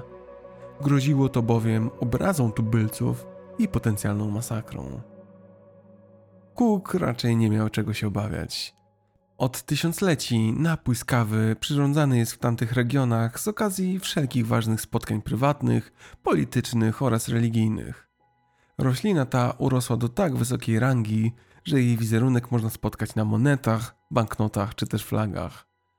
Każdy kraj i każda kultura pacyficzna ma własne tradycje i rytuały związane z przyrządzaniem, podawaniem i piciem kawy. Dawniej pili ją tylko mężczyźni, Dziś niemal na wszystkich wyspach robią to również kobiety. Napój z kawy jest bardzo intensywny i mocny. Badania potwierdzają, że ma lekkie działanie psychoaktywne. Uspokaja, wycisza, rozleniwia, ułatwia zasypianie. Siła działania zależy od kilku czynników. Jednym z najważniejszych jest głód. Kawa przyjęta na pusty żołądek zadziała mocniej. Efekt, zależnie od dawki, może utrzymywać się od kilku minut do kilku godzin. Prócz działania kawy, u Kuka zdumienie wzbudził kult Tahama, świętego dziecka. Widział w tym analogię do chrześcijaństwa, choć przecież tubylcy nie znali religii europejskich. Cook z załogą pozostali na wyspach przez kilka dni. 25 marca 1974 roku dopłynęli do Nowej Zelandii. Kolejnego dnia załogi zaskoczył sztorm, który ponownie rozdzielił oba statki Resolution i Adventure, tym razem trwale. Gdy 1 listopada załoga Cooka wpływała do Zatoki Królowej Charlotte, Furno, zrezygnowany, zdążył już ją opuścić. Podjął decyzję o powrocie do Wielkiej Brytanii przez Ocean Spokojny i wokół przylądka Horn. Do Anglii statek Adventure dotarł 14 lipca 1774 roku. Dla Cooka jednak dopiero kończyło się pierwsze, mniejsze okrążenie Pacyfiku. 26 listopada wraz ze swoją załogą wyruszył z Nowej Zelandii po raz drugi na Pacyfik. Tym razem jednak zataczane koło miało być dużo szersze. Celem było ponownie poszukiwanie południowego kontynentu. Resolution dotarł do szerokości geograficznej 67 stopni, ale 22 grudnia z powodu gęstej mgły, zimna, silnego wiatru i utrzymującej się na powierzchni wody pokrywy lodowej musiał zawrócić. Przez blisko miesiąc statek płynął na północny wschód, po czym w połowie stycznia został znów skierowany na południowy wschód. 30 stycznia 1774 roku osiągnięto szerokość geograficzną 71 stopni. To już naprawdę bardzo nisko na kuli ziemskiej. Dalej jednak nie dostrzegano żadnego lądu zdatnego do zamieszkania. Cook podjął trudną decyzję, że dalsza podróż, choć jeszcze teoretycznie możliwa, byłaby już zbyt niebezpieczna. Doszedł też do wniosku, że nawet jeśli dalej na południe znajduje się jakiś ląd, to jest on w całości pokryty lodem. Terra Australis Incognita, nawet jeśli istniała, nie nadawałaby się do zamieszkania przez żadną istotę. Myślę, że Roald Amundsen miałby na ten temat inne zdanie, ale wówczas Cook po raz kolejny dochodził do bardzo gorzkich wniosków. I nie będzie to chyba żadna niespodzianka, jeśli powiem, że tak jak poprzednio po nieudanym obserwowaniu przejścia Wenus i zdecydowaniu się na dalsze wojaże, tak też teraz Cook nie obrał kursu do domu, ale w obliczu porażki chciał jeszcze przeprowadzić szereg badań na Oceanie Spokojnym. Skierował się zatem wprost na północ. Zdziwicie się, gdy wam opowiem dokąd dotarł. Otóż 11 marca 1774 roku członkowie ekspedycji dotarli do Wyspy Wielkanocnej i spędzili tam całe 5 dni. W tym czasie oficerowie Pickersgill i Wales przemierzyli wyspę i dokonali opisu jej środowiska naturalnego, tubylców oraz przede wszystkim posągów Moai, wzmiankowanych już wcześniej przez odkrywcę wyspy Jacoba Roggevena w 1722 roku. Na pewno kojarzycie te posągi. To te podłużne, czarne twarze zakopane w ziemi. Niektóre ważą ponad 18 ton i mają ponad 6 metrów wysokości. Największy z Moai, tak zwany Paro, miał około 10 metrów i ważył 75 ton. Znaleziono niedokończoną figurę o wysokości 21 metrów i wadze 270 ton. Choć reszta załogi zachwycała się figurami, to uwagę Kuka zwróciło coś innego. Zauważył on, że na wyspie nie ma prawie żadnych drzew. To był zaczątek tezy, że figury były prawdopodobnie toczone na balach w miejsce przeznaczenia i stawiane do pionu za pomocą lin. Intensywna eksploatacja wyspy przez mieszkańców i zużywanie dużych ilości drewna do transportu Moai mogły się przyczynić do całkowitego ogołocenia wyspy z drzew. Po raz kolejny bardzo duża spostrzegawczość Kuka. Po opuszczeniu Wyspy Wielkanocnej, Resolution skierował się na południowy zachód, ku archipelagowi Markizów. Osiągnięto go 6 kwietnia. Tam odwiedzono cztery wyspy, kolejno Fatu Huku, Mohotani, Hiva-Ona oraz Tahuata. Na ostatniej z nich zatrzymano się na kilka dni i nawiązano kontakty z tubylcami. Niestety doszło też do incydentu, w wyniku którego zginął jeden z mieszkańców wyspy. Cook zapisał w dzienniku, że był on winny kradzieży, a śmierć nie była efektem celowego działania załogi, lecz samoobrony.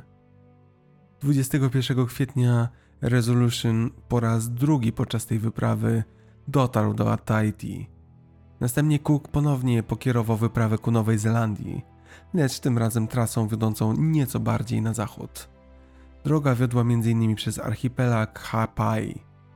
Cook odkrył i szczegółowo odpisał Nową Kaledonię oraz wyspy Norfolk. I tak oto zakończyło się drugie, szersze okrążenie Pacyfiku. W listopadzie 1774 roku przyszła pora zakończyć wyprawę.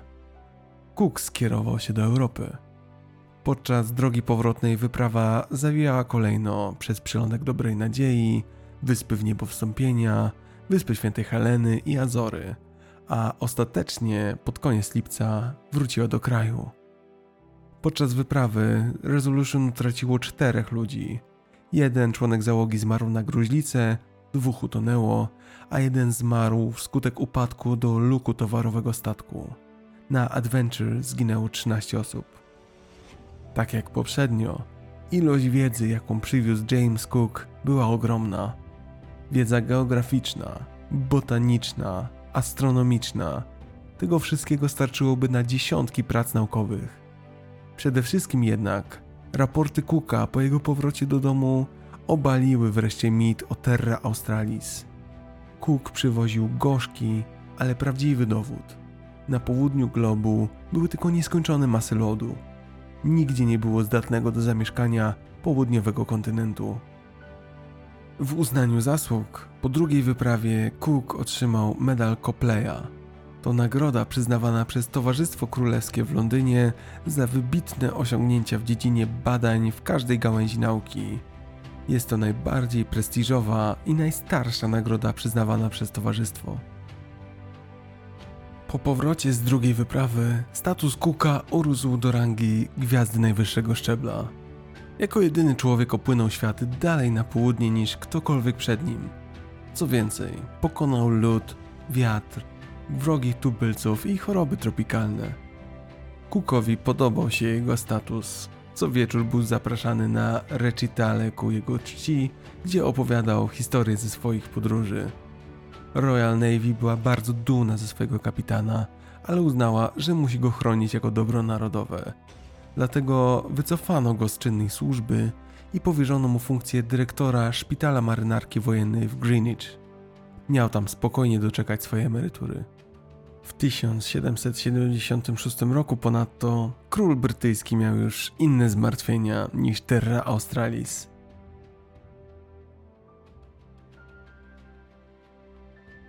Od roku trwała wojna o niepodległość brytyjskiej kolonii Stanów Zjednoczonych.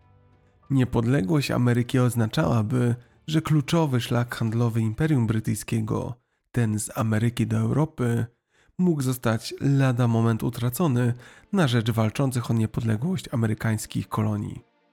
Jak najszybciej należało odkryć nowe szlaki handlowe, a jednym z nich, dotychczas nieodkrytych, było legendarne przejście północno-zachodnie.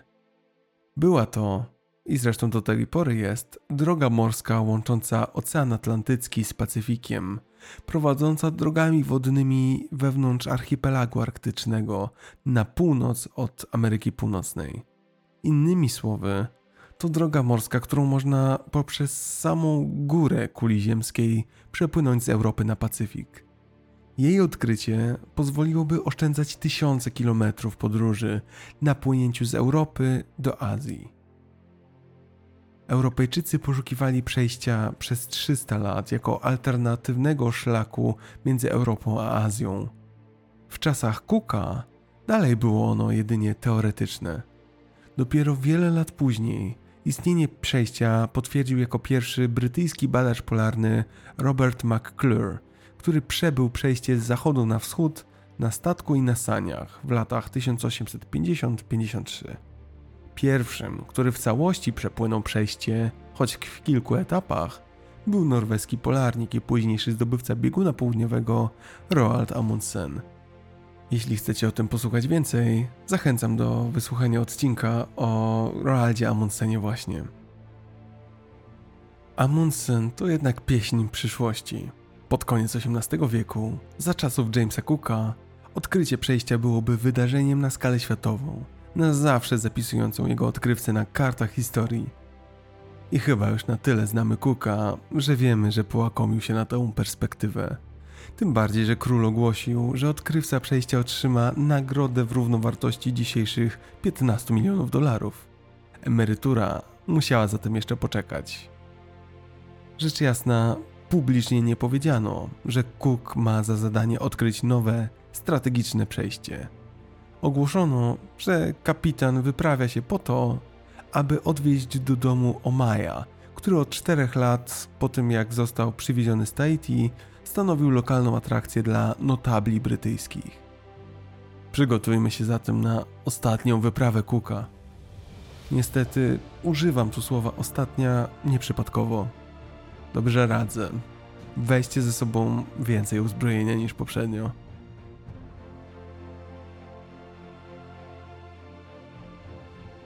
Podczas swojej ostatniej podróży kapitan Charles Clerk dowodził HMS Discovery. Ten statek znamy z poprzedniej wyprawy. Cook zaś ponownie dowodził HMS Resolution. Statek miał na pokładzie dużą ilość żywego inwentarza. Były to owce, bydło, kozy i świnie, a także drób. Cook również zlecił zabrać na handel wymienny z tubylcami 100 kurtek z dzianiny, 60 kamizelek, 40 par bryczesów, 120 kamizelek z dzianiny, 400 sukienek, 500 par pończoch, 80 czapek i 800 par butów. Tak jak poprzednio, w opisie odcinka przygotowałem dla Was mapę i tej wyprawy. Wyruszmy zatem. Kapitan Cook wypłynął z Wielkiej Brytanii 12 lipca 1776 roku. Już na samym początku zaczęły się problemy. Clark w Discovery zaliczył opóźnienie na samym starcie i wypłynął dopiero 1 sierpnia. W drodze do Kapsztadu Resolution zatrzymała się na Teneryfie, aby uzupełnić zapasy. Wtedy to Cook zauważył, że Resolution przecieka, należało zatem pilnie ją uszczelnić. Kiedy Discovery przybyło na miejsce 10 listopada, okazało się, że również potrzebuje uszczelnienia. Nie jestem przesądny, ale tak fatalny początek wyprawy mocno by mnie zastanowił. 1 grudnia 1776 roku oba statki wypłynęły na zachód. Po dwóch miesiącach wojaży, 12 lutego, po raz trzeci w życiu Cook dotarł do Nowej Zelandii. Po dwutygodniowym postoju statki wypłynęły na Tahiti, ale przeciwne wiatry zniosły je kilkadziesiąt kilometrów na zachód, do Mangaia, gdzie po raz pierwszy dostrzeżono ląd 29 marca. W celu ponownego zaopatrzenia statki wyruszyły zachodnimi wiatrami na przyjazne wyspy, obecnie znane jako Tonga. Tam przebywano do połowy lipca, kiedy to wrócono na Tahiti. Jak pamiętacie, podczas drugiej wyprawy Cook zatoczył dwa koła po Pacyfiku. Tym razem cel był odmienny. Kierowano się prosto na północ, aby dotrzeć do północnych wybrzeży Ameryki, a dalej rzecz jasna, aby próbować przepłynąć górą z zachodniej Ameryki do Europy. 18 stycznia 1778 roku Cook stał się pierwszym Europejczykiem, który odwiedził Wyspy Hawajskie. Z Hawajów udał się na północny wschód, aby badać zachodnie wybrzeże Ameryki Północnej. Od tej pory płynął wzdłuż amerykańskiego wybrzeża ciągle ku górze w poszukiwaniu przejścia północno-zachodniego. Zakotwiczył w pobliżu wioski Yukot. To wyspa niedaleko Vancouver, bardzo blisko dzisiejszej granicy amerykańsko-kanadyjskiej. W Yukot załoga zeszła na ląd. Stosunki między załogą a mieszkańcami Yukot były serdeczne, choć czasami napięte. W handlu mieszkańcy Yukot żądali znacznie cenniejszych przedmiotów niż dotychczasowe drobiazgi, które zazwyczaj służyły załodze Kuka, np. na Hawajach. Najcenniejszymi przedmiotami, jakie Brytyjczycy w ogóle otrzymywali w handlu, były nie złota i precjoza, jak na to liczyli, ale skóry wydr morskich. Po miesięcznym pobycie i postoju, gospodarze z Yukot właściwie kontrolowali handel z Brytyjczykami, a nie na odwrót. Tubylcy co i róż wchodzili na brytyjskie statki i schodzili z nich. Wkrótce, po uzupełnieniu zapasów, przyszła pora wypłynięcia dalej na północ.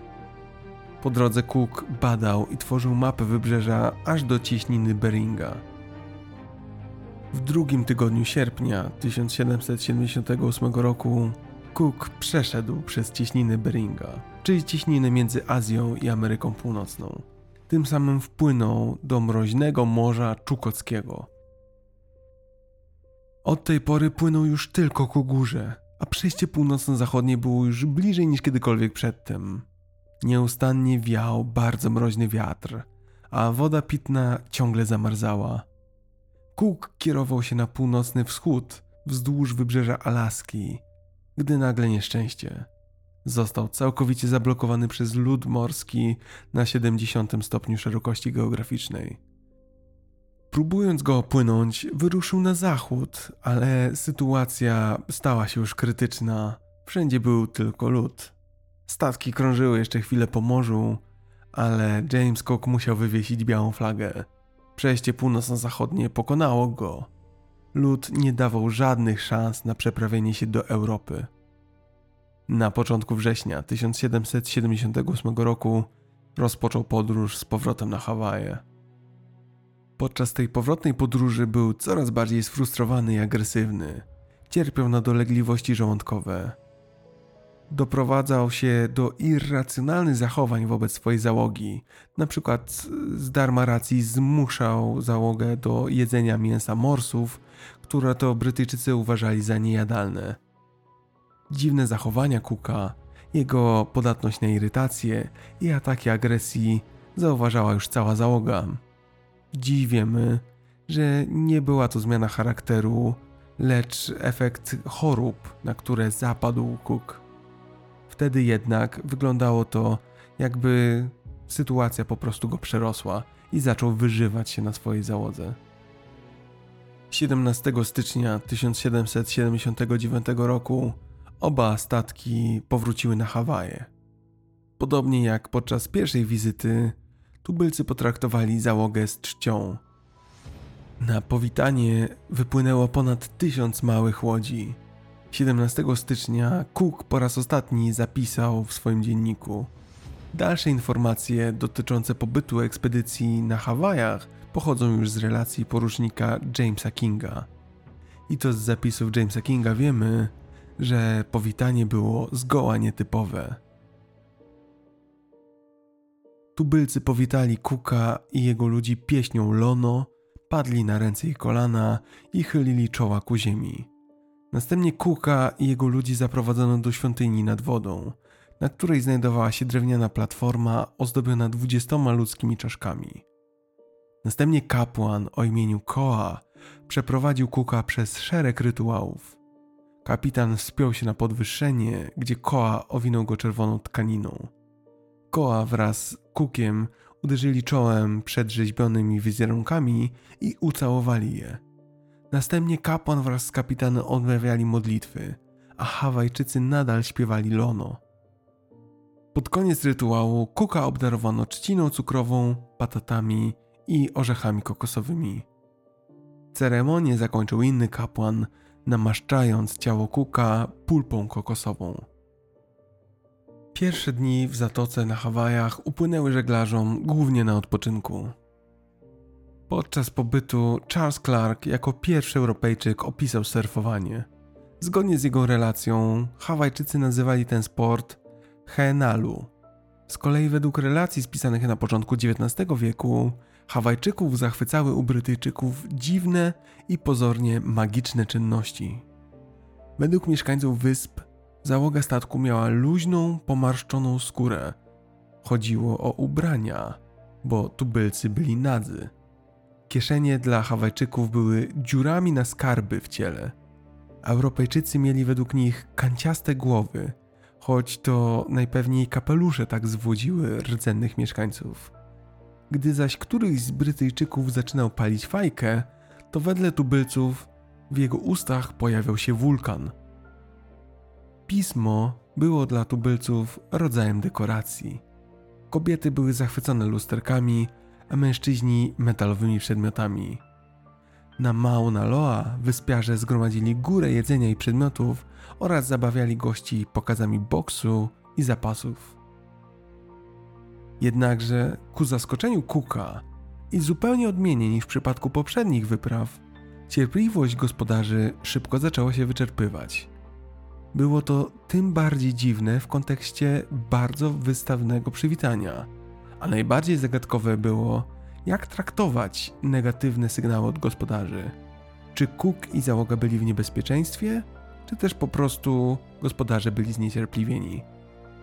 Te sprzeczne sygnały były bardzo trudne do interpretowania dla Europejczyków. To tak, jakby ktoś powitał was w domu chlebem i solą, wyprawił na waszą cześć wesele, a po chwili pogniewał się na waszą obecność. Co gorsze, dwa tygodnie po przybyciu na wyspę, król i wodzowie zaczęli już wprost pytać, kiedy Brytyjczycy w końcu odpłyną.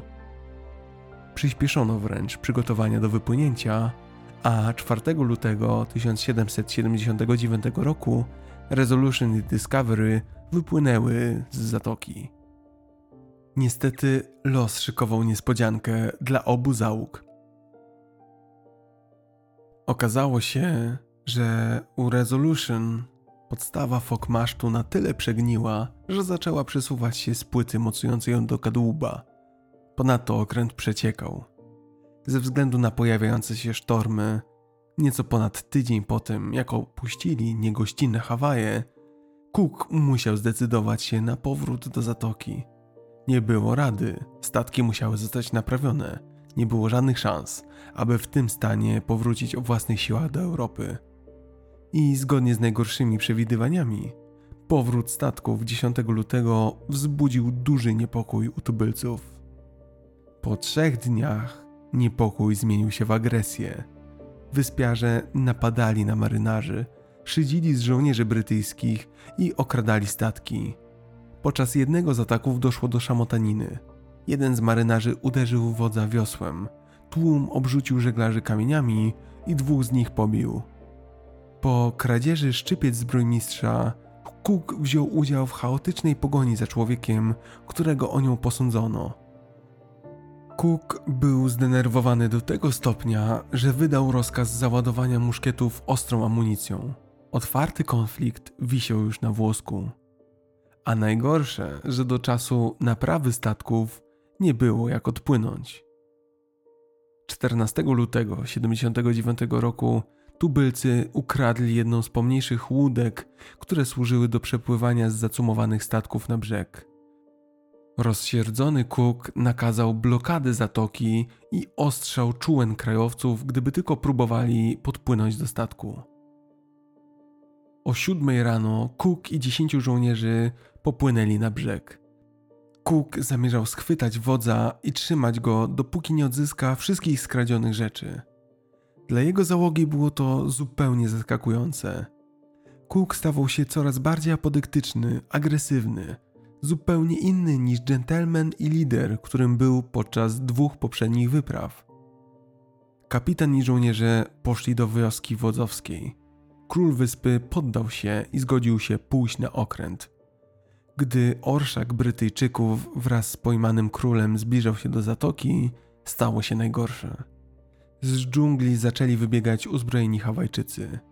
Kuka i jego żołnierze otoczył tłum liczący kilka tysięcy ludzi.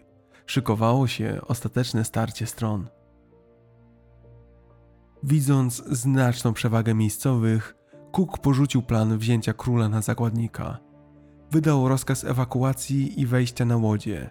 Jednak jeden Hawajczyk w tłumie zaczął machać żelaznym sztyletem i zagroził, że zaatakuje kapitana. Cook wystrzelił z pistoletu załadowanym śrutem. Hałas wystraszył Hawajczyków. Zaczęli rzucać w Anglików kamieniami i dzidami. Cook strzelił po raz drugi, tym razem w tłum. Zabił jednego człowieka. Następnie rozkazał żołnierzom oddać salwę i uciec do łodzi. Żołnierze oddali w tłum salwę, ale zanim ponownie załadowali broń, rozwścieczeni Hawajczycy rzucili się do zatoki. Do walki dołączyli żołnierze znajdujący się na łodziach. Cook, spanikowany, próbował dostać się do łodzi. Ludzie w jednej szalupie zaczęli wiosłować kuplarzy, by ratować kapitana, a ci w drugiej, dowodzonej przez Johna Williamsona, oddalali się w głąb zatoki. Będąc prawie bezpiecznym, raptem 10 metrów od szalupy, nieszczęście. Cook został pochwycony przez Hawajczyków i porwany natychmiast w głąb lądu.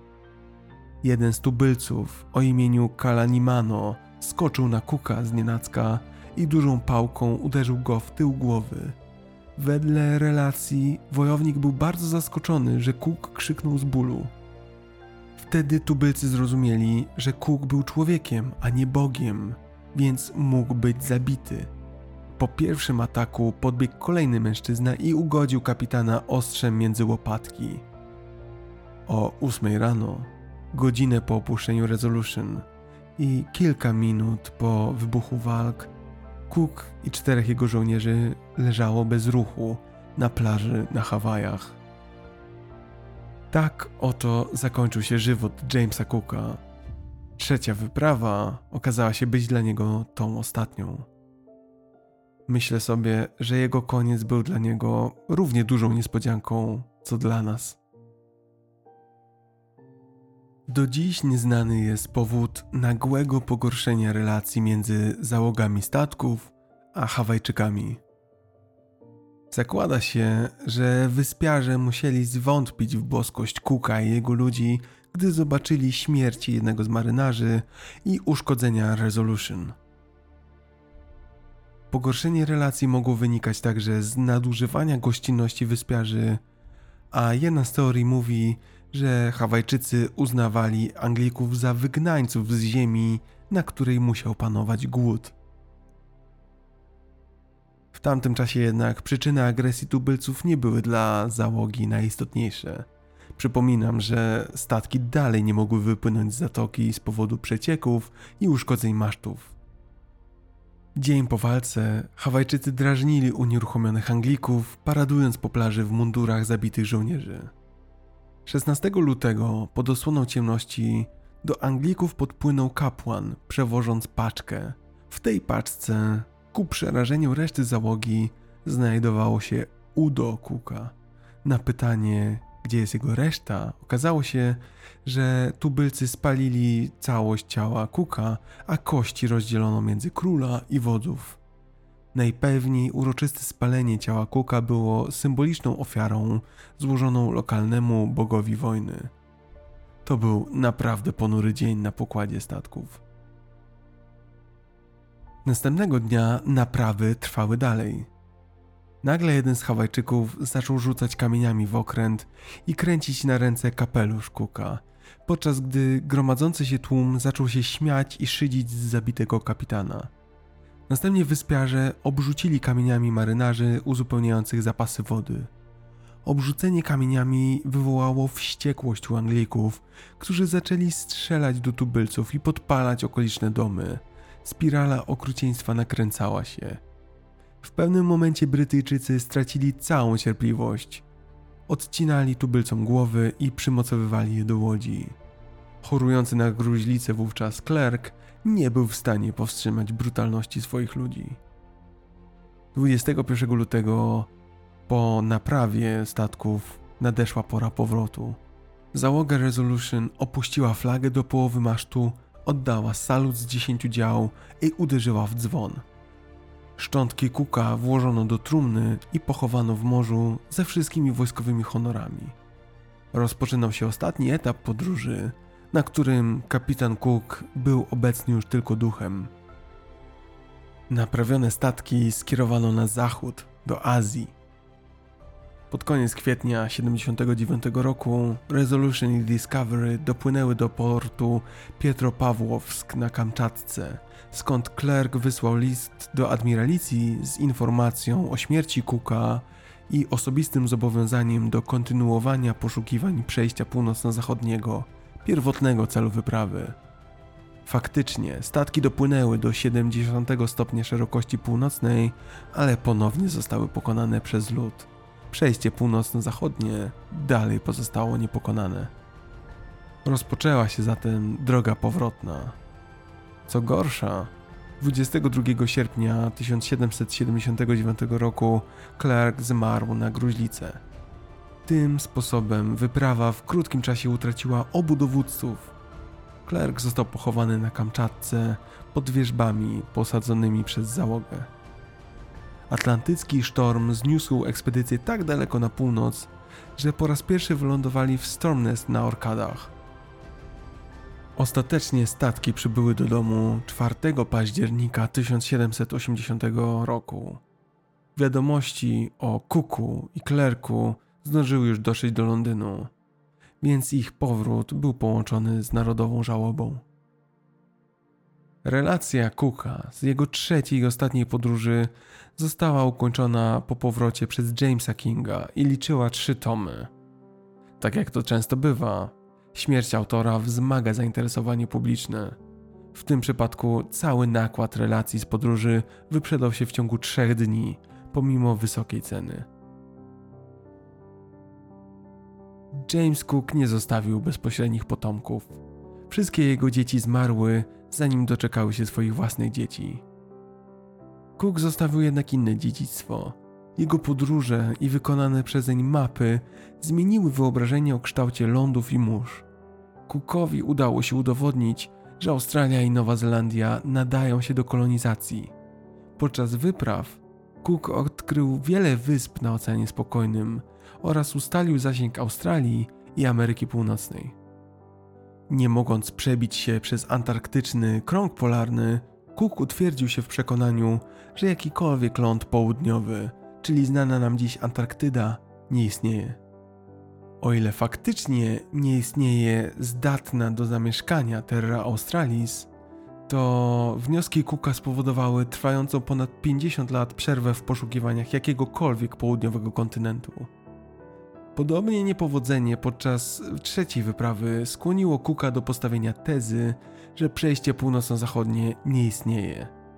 Po latach okazało się, że faktycznie istnieje, jednak XVIII-wieczne okręty nie były w stanie go po prostu pokonać. Dorobek naukowy Cooka jest bardzo imponujący. Botanicy uczestniczący w wyprawach zebrali tyle okazów flory, że liczba roślin znana w świecie zachodnim powiększyła się o jedną czwartą. Podczas pierwszej wyprawy botanik Parkinson stworzył ponad 1300 rysunków roślin, w tym 400 w samej Australii. Podczas wypraw James Cook narzucał marynarzom zmianę obyczajów higienicznych na dużo lepsze. Wprowadził regularne czyszczenie hamaków, ubrań i posłań, obowiązkowe kąpiele w morzu i wietrzenie niższych pokładów, a także szorowanie pokładu octem. Cook wprowadził do diety marynarskiej warzywa, głównie kapustę kiszoną i owoce, wszystko w celu opanowania plagi szkorbutu.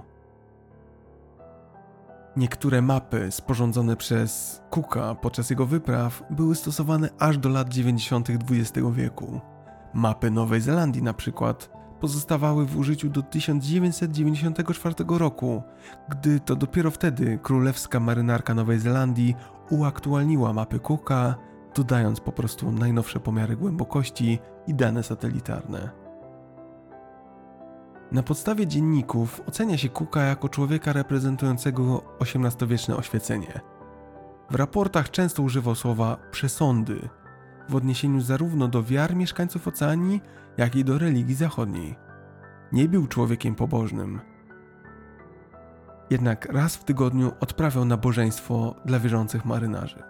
W stosunku do obyczajów seksualnych i kanibalizmu na Pacyfiku wykazywał brak uprzedzeń i zrozumienie dla innych kultur. Wyprawy Cooka pod względem historycznym były ofiarą swoich czasów. Wojna o niepodległość Stanów Zjednoczonych oraz wojny napoleońskie przesłoniły ówczesne odkrycia Cooka. Zainteresowanie jego wyprawami miało miejsce dopiero w XIX wieku i trwa po dziś dzień. Statek Endeavour przemianowano na Lord Sandwich i został przekształcony w statek wielorybniczy. Został zatopiony w 1778 roku. Resolution rozbiła się u brzegów Newport w 1794 roku. Warto wspomnieć, że z biegiem lat coraz bardziej narastały kontrowersje dotyczące działalności Cooka. Niektórzy zarzucają mu ingerowanie w obce kultury pod sztandarem zachodniego kolonializmu. Przez wiele lat na Hawajach, Niue i Tonga panował negatywny stosunek do Cooka. Uważano go za winnego pojawienia się białych kolonizatorów odpowiedzialnych za rozpowszechnienie chorób i niszczenie miejscowych kultur. Zdecydowanie najczęstszy zarzut, jaki stawia się Cookowi, to to, że otworzył wrota Australii do ciemiężenia aborygenów. Patrząc historycznie, faktycznie przez 50 tysięcy lat aborygeni mieli niewielki kontakt z innymi ludami, np. Papuasami. Po raz pierwszy biali ludzie spotkali się z aborygenami właśnie pod dowództwem Jamesa Cooka, gdy dotarł do Zatoki Botanicznej. U progu kolonizacji europejskiej populacja aborygenów liczyła około 800 tysięcy osób. Każde z 600 plemion miało swoją własną nazwę, język i dialekt i swoje własne oddzielne terytorium. Osadnicy z Europy zaczęli wypierać ich z żyznych terenów w głąb kontynentu. Przez ponad 100 lat ludność aborygeńska ginęła skutek konfliktów z białymi osadnikami z powodu braku pożywienia i nieznanych chorób. Na początku XX wieku aborygenów uznano za lud wymierający. Ich liczba katastrofalnie spadała aż do lat 30. XX wieku, gdy ich liczbę oceniano tylko na 67 tysięcy. Rządy Australii aż do połowy lat 60. XX wieku stosowały wobec aborygenów politykę przymusowej asymilacji. Dopiero od 65 roku mają pełnię praw wyborczych. Wśród aborygenów do dzisiaj występuje większe bezrobocie i alkoholizm niż wśród pozostałej części ludności. Obecnie ich liczba rośnie. 13 lutego 2008 roku premier Australii wygłosił w parlamencie przemówienie, w którym przeprosił aborygenów za dyskryminację i prześladowania, w tym praktyki prowadzące do powstania tzw. Tak skradzionego pokolenia. Jak to się ma do Jamesa Cooka? Otóż w 2018 roku wiele państw, w tym Australia i Nowa Zelandia, organizowało oficjalne wydarzenia upamiętniające podróże i odkrycia Cooka. Wtedy to właśnie wybuchła szeroka debata na temat dziedzictwa Cooka. Różne pomniki Jamesa Cooka w Australii i Nowej Zelandii były dewastowane i pojawiały się publiczne wezwania do ich usuwania, rzekomo z powodu narracji kolonialnych. Zdecydowana większość przedstawicieli nauki broni jednak Jamesa Cooka. Na przykład badaczka Alice Proctor twierdzi, że Cook nigdy nie powinien być celem jakichkolwiek z tych protestów. Po prostu z uwagi na to, że to on odkrywał te regiony, które później były kolonizowane, stał się ofiarą szerszej debaty na temat dekolonizacji muzeów i przestrzeni publicznej oraz kolonializmu w ogóle. Innymi słowy, James Cook stał się twarzą późniejszych czynów, z którymi tak naprawdę nie miał nic wspólnego. Jak zatem z dzisiejszej perspektywy ocenić Jamesa Cooka? Oczywiście każdy ma prawo takiej oceny dokonać samemu. Natomiast moje refleksje są następujące. Istnieje tendencja do obwiniania Cooka za to, co dopiero miało się wydarzyć wiele lat po jego odkryciach. Późniejsze traktowanie rdzennych populacji pod sztandarem kolonializmu i imperializmu nie miało nic wspólnego z tym, co robił Cook. Cook jedynie odkrywał, a decyzje, co robić z nowymi lądami, zapadały zupełnie gdzie, kiedy indziej. Sprawiedliwe jest ocenianie Cooka przez pryzmat jego dokonań i umiejętności, a te były ogromne. Nawet pamiątkowa tabliczka na jego domu w Anglii głosi: Zdolności tego człowieka zmieniły świat. Ale zostawmy na chwilę same dokonania. Cook był niezwykłym, inspirującym człowiekiem. Własnym staraniem i uporem żył swoim wymarzonym życiem. Dwukrotnie wspinał się po szczeblach kariery, najpierw cywilnej, a potem wojskowej. Samodzielnie uczył się skomplikowanych dziedzin nauki i był dzięki temu w stanie rzucać geograficzne światło tam, gdzie inni widzieli ciemność. Stosunek Kuka do swoich podwładnych był wzorowy, szczególnie jak na ówczesne standardy. Jego troska o swoich ludzi, rozciągająca się nawet poprzez owe przymusowe stosowanie kiszonej kapusty jako środka przeciwko szkorbutowi, wyprzedzały swoją epokę. Warto przytoczyć, że nigdy, czy to słowem, czy na piśmie, Cook nie wyrażał się o żadnej z poznanych przez siebie kultur z pogardą czy kpiną. Promował zrozumienie inności. We wszystkich przypadkach postrzegał ludy mądrze i po ludzku. To, co działo się przykład z aborygenami później, zwłaszcza w Australii, to inna historia, ale nie można winić za nią Cooka. Okoliczności jego trzeciej podróży i jego śmieci na Hawajach były przedmiotem wielu badań. Dziś medycyna domyśla się, że zmiana jego charakteru na apodyktyczny oraz napady agresji wynikały prawdopodobnie z infekcji paciorkowcem i pasożytów jelitowych. Cook nie był zatem świadom tego, że zachodzą w nim zmiany psychiczne. Jednocześnie chciałbym podzielić się z Wami pewną osobistą refleksją.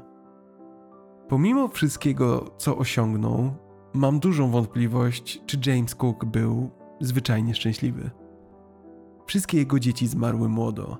Co więcej, podczas jego nieobecności na jednej z wypraw utonął również jego syn, który także służył w marynarce wojennej, idąc śladami ojca. Żona Cooka przeżyła go i dożyła samotnej starości. I pomimo tego, że Cook napisał w swoich dziennikach i raportach miliony słów, nigdy nie pisał nic o sobie samym. Żadnych myśli, wątpliwości, wspomnień o triumfach, rozterkach. Cook nigdy nie pisał o sobie. Wydaje się, biorąc pod uwagę całokształt jego postaci, że James Cook całe życie toczył walkę samemu ze sobą. Gdy osiągał jakiś cel, nie osiadał na laurach, nie triumfował, nie celebrował, ale niemal od razu wyznaczał kolejny i kolejny i kolejny. Czego zatem uczy nas historia Jamesa Cooka? Z jednej strony, że warto mierzyć wysoko, wyznaczać sobie ambitne cele i realizować je krok po kroku, dzień po dniu. Kto bowiem codziennie pisze nawet jedną stronę, ten w końcu napisze książkę. Z drugiej strony jednak, życiorys Cooka pokazuje, że warto czasem po prostu docenić siebie, pogratulować samemu sobie, powiedzieć: Jest ok, dałem, dałam radę, jestem wystarczająco dobra, jestem wystarczająco dobry. Takiego myślenia zabrakło Cookowi i według mnie to brak takiego myślenia pchnął go na trzecią, fatalną wyprawę.